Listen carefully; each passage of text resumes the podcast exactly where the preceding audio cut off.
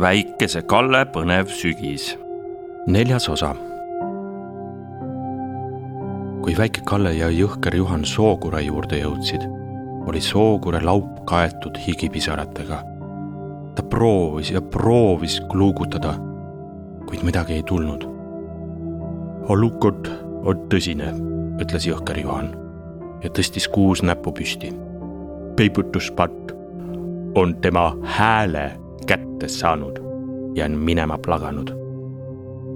väike Kalle vaatas kohe maapinda nende ümber, kuid peibutuspardi jälgi ta ei märganud.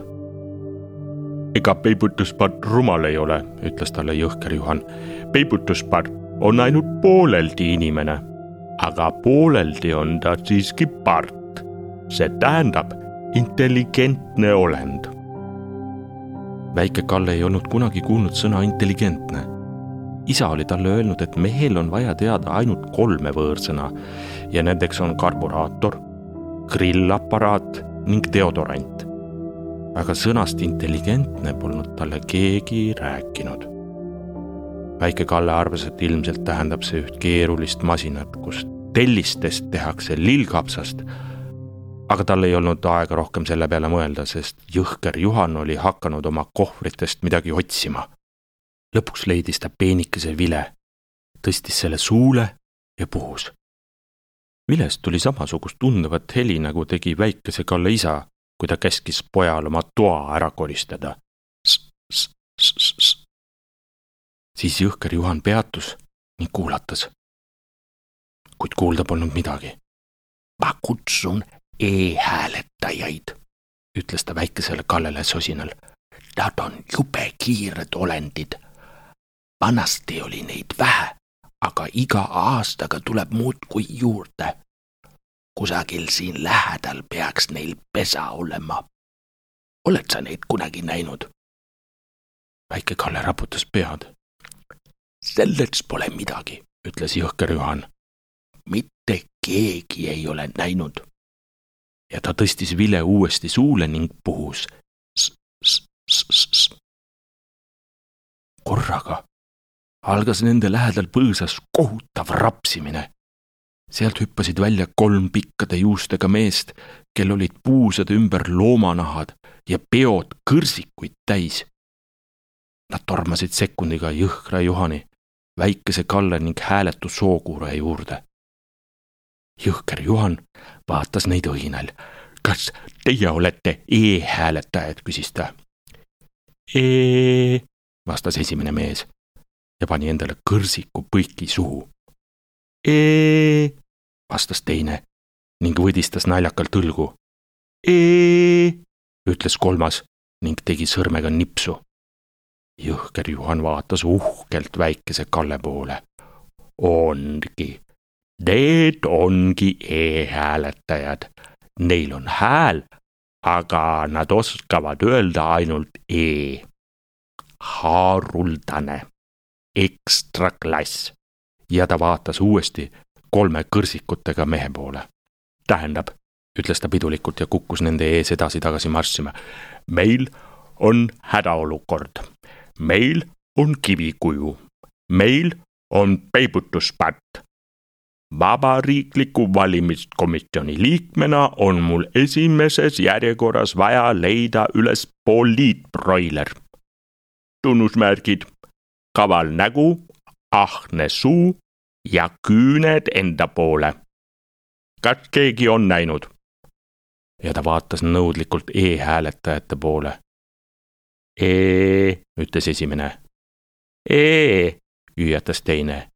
E, küsis kolmas.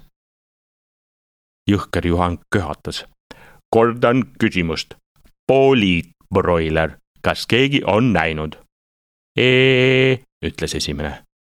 ka teine tahtis midagi öelda, kuid jõhker Juhan lõi käega. lootusetu, ütles ta. väike Kalle tundis, kuidas tema silmadesse tungivad pisarad. üldiselt ei olnud ta eriti suur pillija ning ka tema isa nutis ainult siis, kui telekast tuli spordiülekanne ja Ott Tänaku autol oli purnunud rehv, kapott, tagumine iste või mingi vedru aga seekord sai väike Kalle aru, et olukord on väga tõsine ning tema isa võibki kivikujuks jääda e-hääletajad pistsid kõrsikud jälle põiki suhu ning kalpsasid tagasi põõsastesse. sookurg kluugutas hääletult. jõhker Juhan pühkis higi ja laiutas käsi.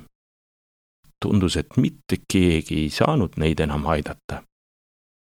just sel hetkel oli kosta, kuidas keegi ütles vaikselt pup-pup-pup-pup-pup ühe suure mulli tagant astus välja keegi onkel, kes vaatas käed selja peal, suurt mulli, kortsutas kulmu, võttis siis taskust pika nõela ning torkas selle plumpsti mulli sisse, nii et mull väikese plaksuga lõhki lendas. Pup-pup-pup-pup-pup, ütles mees rahulolevalt. Aga milline mees see oli? tema ülikond oli üleni punane, läikivate hõbedaste litritega tema pähe oli seotud suured kukesuled ning kingade asemel kandis ta pottidesse istutatud taimi. paremas jalas olid harilikud tomatid, aga vasakus jalas murtud südamed. pup-pup-pup-pup-pup, ütles mees uuesti ja vaatas siis üllatunult väikese Kalle ja jõhkra Juhani poole. Jõhker Juhan silmitses teda põlgusega ja keeras selja. Päh, ütles ta väikesele Kallele see on ju ekspert. vaata, et sa temaga rääkima ei hakka. kui see rääkima saab, siis enne homset õhtut ta ei lõpeta. väike Kalle silmitses kirevate kukesulgedega eksperti. ta ei teadnud küll, kuidas selline olend võiks teda edasi aidata, kuid mingit muud võimalust polnud. väike Kalle sammus eksperdi poole. kui ta astus, oh häda kogemata otse tema paremas jalas olnud tomati peale. ekspert vaatas seda üllatunud ja ütles siis ainult popp-popp-popp-popp-popp.